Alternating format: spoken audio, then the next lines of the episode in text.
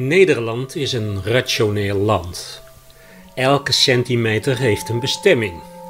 Voor wonderen en mysteries lijkt in onze moderne samenleving geen plaats meer. Toch zijn er ook in ons land nog plaatsen waar het mysterie bijna tastbaar is. Mijn naam is Johan Nebbeling en ik geloof niet in het ongelofelijke. Maar voor deze krant maak ik een podcast over mysterieuze plekken en wonderlijke plaatsen. Vandaag de Ringburgwal op de Heimenberg bij Renen. Als kleine jongen had Henk Ganzenboom een angstaanjagende droom over het einde van de wereld. Uit de hemel vielen zwarte rechthoeken en ballen die alles vernietigden. Die droom achtervolgde hem al zijn hele leven en inspireerde hem tot een levenslange zoektocht naar de geheimen van de kosmos. Zijn zoektocht brengt Henk naar spirituele plaatsen waar hij soms heel bijzondere, paranormale ervaringen heeft. Ook die droom heeft hij een keer in het echt beleefd. Vandaag ben ik met hem op de Heimenberg bij Renen. De Heimenberg is een onderdeel van de Grebbeberg en was 4000 jaar geleden een van de eerste bewoonde plaatsen van ons land. Soms ziet Henk daar voor zijn geestesoog die eerste bewoners, hoort hij hun stemmen en ruikt hun vuren. Ze hebben hier dus een fortificatie gevonden. En waar we naartoe gaan, waar we nu naartoe lopen, is dan ehm, het, uh, de Ringwalburgt. En uh, die blijkt uit ja, ongeveer de 6e eeuw na Christus uh, gebouwd te zijn. En, en wie, hebben dat gebouwd, weten we dat? Nou, dat is niet helemaal bekend. Uh, althans, ook niet bij mij. en ik heb er niet zo heel veel informatie over kunnen vinden. Maar dat zullen, ja, ja, dat, ja, dat zullen krijgsheren geweest zijn. een bepaald volk? Of, ja, nou, zeg maar, die, van die fortificatie van 4000 jaar geleden. Daar weet ik van, dat zal ja, mogelijk Trechterbeker culturen zijn geweest. Misschien Kelten, dat is ook nog tamelijk onbekend. En van de Ringbalburg zelf uit de 6e eeuw zullen het ja, lokale krijgsheren geweest zijn die een fortificatie hebben gebouwd hier om zich te beschermen ja, tegen hun vijanden, de Franken misschien wel. Ja, maar wij zijn hier niet alleen omdat dit archeologisch interessant gebied is. Hè? Want jij bent ook, ja, hoe moet ik dat zeggen, spiritueel ingesteld?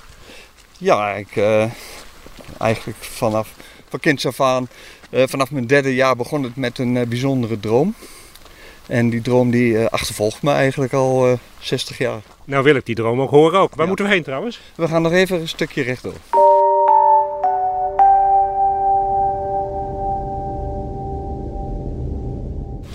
Uh, ja, die droom die, uh, ging eigenlijk over de vernietiging van de wereld door uh, de zwarte bollen en kubussen die uit de hemel kwamen vallen. Oh, dat klinkt eng voor een driejarig jongetje. Ja, dat vond ik ook. Kon ik een week niet slapen. Huh? En er moest zelfs een dokter bij aan te pas komen om mij weer in slaap te krijgen. Oh ja? Zo erg was het, ja. Maar goed, die droom die is blijven hangen.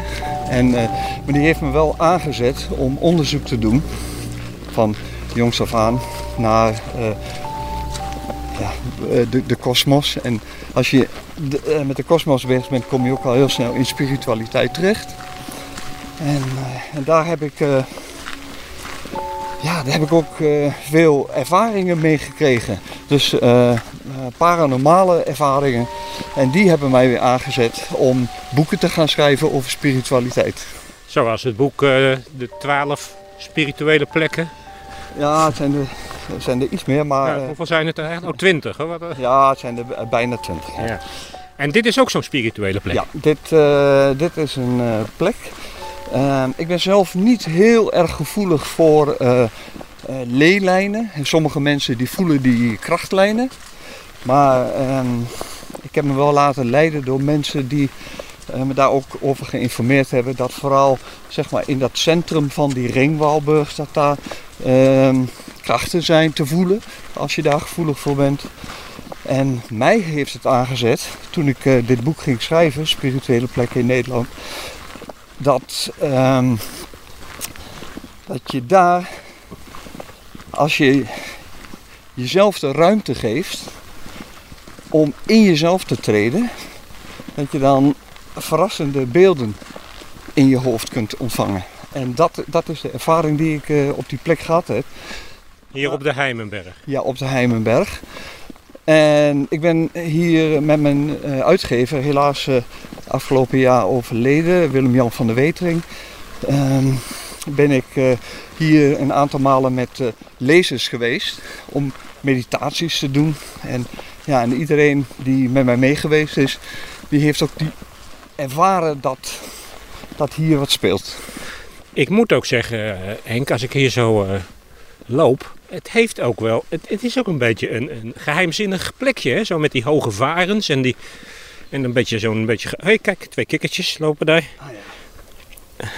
Ja, padjes. padjes, een beetje eh, geaccidenteerd, een beetje woest. Ja, het is een, een plek om te verdwalen ook.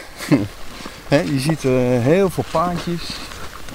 En, ehm, ja, en we komen eigenlijk nu aan de rand van de stuwwal. Waar je straks een fantastisch overzicht hebt. Op, eh, Ja, we zien hem tussen de de bomen, ja, de, de boom, tussen de bomen in de vet, hè, een beetje. Waar denk je, zouden die oude, die oude Kelten of dat trechterbekervolk hier ook zo hebben gestaan en zo hebben uitgekeken?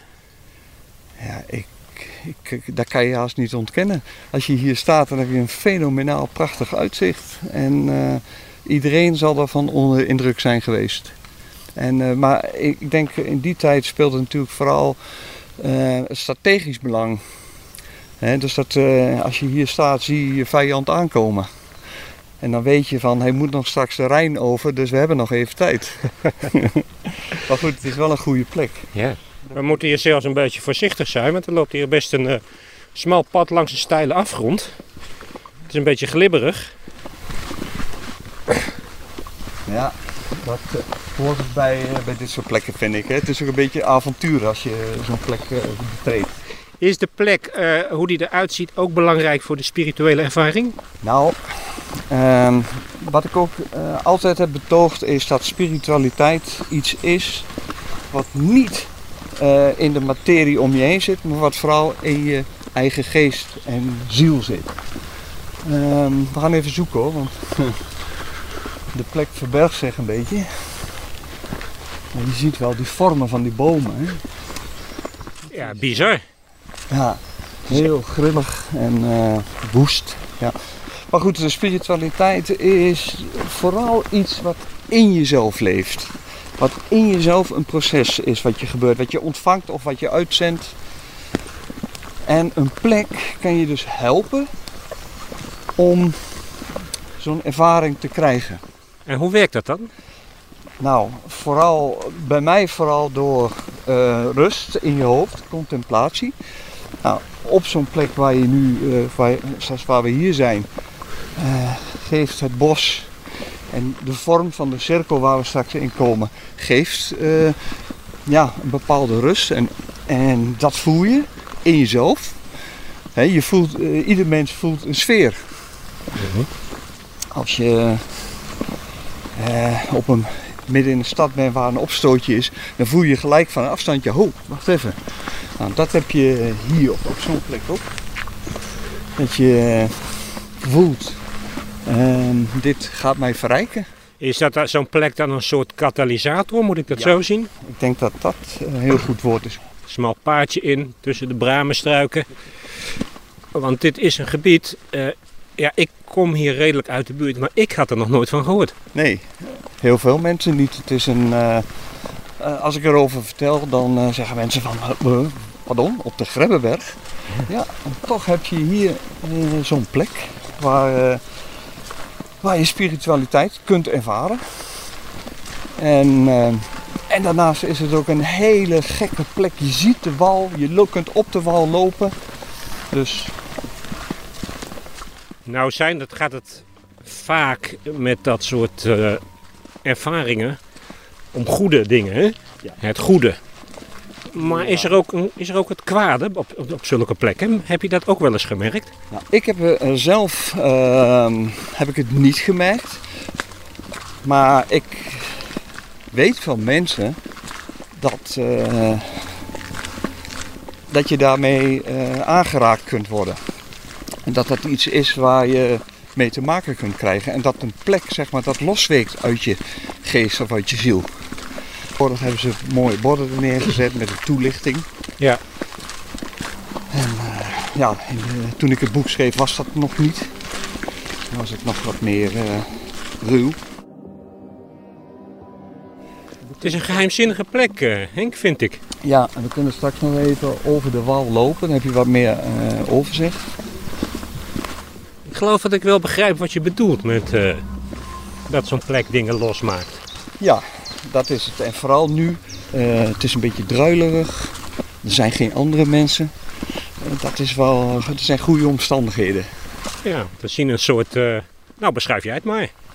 Ehm, ja, dat, bedoel je de, de De omstandigheden? plek gewoon. Oké, nou we zijn eigenlijk bijna in het hart nu van de Ringwalburg. Aan de zuidzijde zien we nog een klein stukje bosrand, maar dan komen we bij de rand. Waar we uitkijken over de Betuwe. En als je daar goed gaat staan, dan zie je Nijmegen liggen. Tiel. Maar eh, ja, het beeld van oriëntatie moet natuurlijk vooral in jezelf zijn. Maar het is een soort open plek. Het is een open plek met her en der eh, eikenbomen.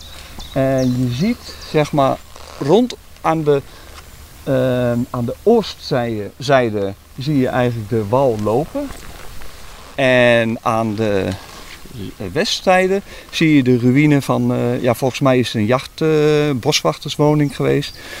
Met eh, in ieder geval een plek waar eh, eh, Frederik van de Pas, hè, de koning van Bohemen, Ehm, hier zijn, zijn jachttaferelen hield. En eh, En dit is, want je ziet echt zo'n verhoging. Het is helemaal begroeid, dus het is geen aardewal. Maar ik neem ja, aan het is als een het... aardewal. Als we, we gaan er straks overheen lopen. Oké. Eh, maar dit, dit, het gaat vooral om, om deze plek.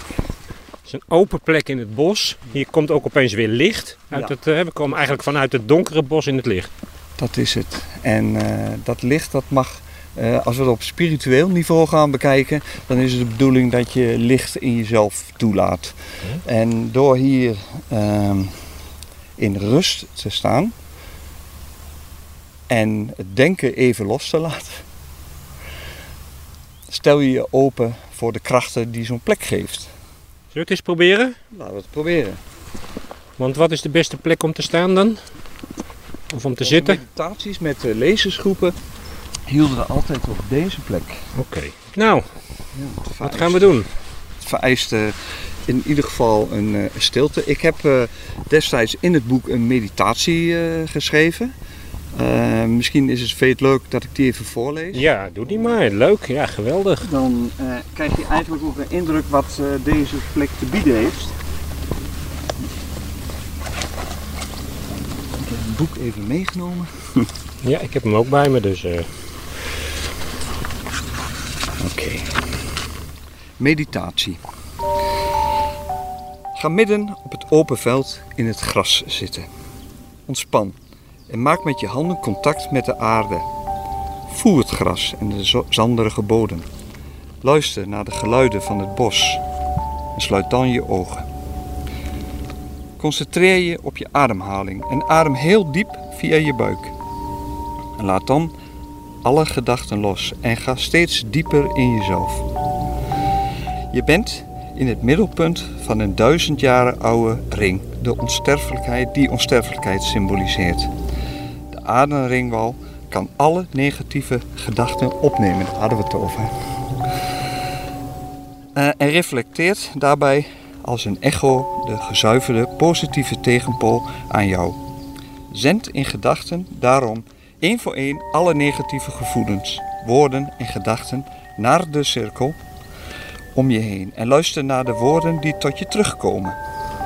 Luiheid wordt ijver, afgunst wordt gunnen, nemen wordt geven, bitterheid wordt zoet en haat wordt liefde. Ga door totdat je iedere negatieve gedachte of associatie die je in je leeft hebt uitgezonden en de respectievelijke tegenpool hebt ontvangen. Zo worden je geest en ziel helemaal gezuiverd. Laat vervolgens deze beelden en gedachten los en voel je goed en zuiver. Kom dan terug naar het licht, naar het nu en open je ogen. Dus eh, Mooi. ja, ik denk dat het- dat ook eh, deze plek hiertoe uitnodigt. Om je te zuiveren van negativiteit. Je bent in een bos, er zijn heel veel positieve ionen, om het even... De, In wetenschappelijke termen Ja. te zeggen. Dus eh, het groen geeft, de, eh, geeft al de rust eh, in je geest. De stilte. Soms hoor je een vogel. We zitten nu niet echt meer in het voorjaar, maar in het voorjaar barst het hier van de vogelgeluiden. En we zagen al padjes. Het is een goede plek voor leven. En laat de negativiteit dan hier ook ja, wegtrekken. En eh, veel mensen hebben dat ook dat gevoel van dat het dan in de aarde trekt. Dat mag, dat gevoel. Ik heb zelf eerder dat het eh, weer echt een proces in je geest zelf is. En dat het een reiniging is van je, ja, dat je meer onbekommerd wordt. Dat je je zorgen loslaat. Dat je e- empathische gevoelens weer hebt voor eh, andere mensen. Ook die, die je tegenstreven. Hè, maar dat je gewoon weer eh, een fijn eh, mens eh, wordt. En dat je de dag weer aan kunt. Een plek van vergeving eigenlijk. Ja, nou, dat is al inherent aan eh, al het negatieve loslaten. Je, ja, daar hoort vergeving bij. Dat is een groot goed om te vergeven als je dat kunt. Ik weet niet of ik het nou spiritueel ervaar, Henk, maar ik vind het wel een prachtige plek. Dat is ook heel belangrijk. En een rustgevende plek. Nou, dat, dat, dat, is, dat is goed. En ehm, niet ieder moment in een mensleven is geschikt om een spirituele ervaring te hebben. Hè? Dat ligt aan, eh, ja, ieder mens heeft ook veel zorgen. Je, nou, deze plek nodigt uit om je zorgen los te laten, je negatieve dingen. En hopelijk kan je dan een spiritueel inzicht krijgen. En wat is een spiritueel inzicht? Ja, dat is iets wat je verlost, wat je eh, richting geeft. Dat kan iets zijn. eh, ehm, met betrekking tot een godsinzicht of op de kosmos of op het leven zelf. En dat is het. Mooi gesproken. Dank je. We gaan nog even de stilte op ons in laten werken. Is dat goed? En wil, ja, en, En daarna lopen we nog een rondje over de wal. is goed.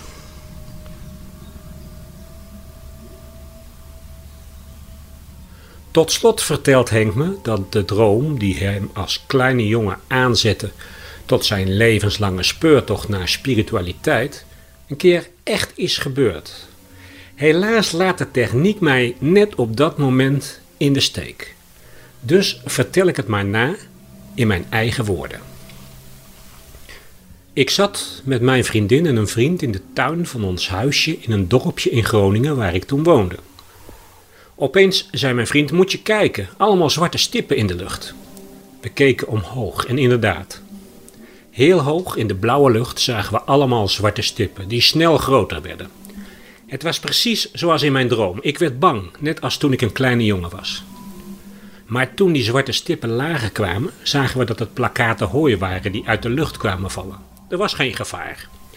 Ze daalden zacht neer op de grond. Alleen ons huis was bedekt met dat hooi. Precies op de erfscheiding lag niets meer. Heel wonderlijk, ook omdat ik niet de enige was die het zag. Mijn vriend heeft er nog foto's van gemaakt. Voor mij was dat een teken dat ik niet meer bang hoefde te zijn voor die droom. Ik geloof dat Henk een oprecht mens is. En dan, zoiets verzin je niet. Maar ik weet niet wat ik ervan moet denken. Misschien moet ik het maar laten bij het spreekwoord uit Hamlet van Shakespeare. Er is meer tussen hemel en aarde, Horatio, dan waar jij in je filosofie van dromen kunt.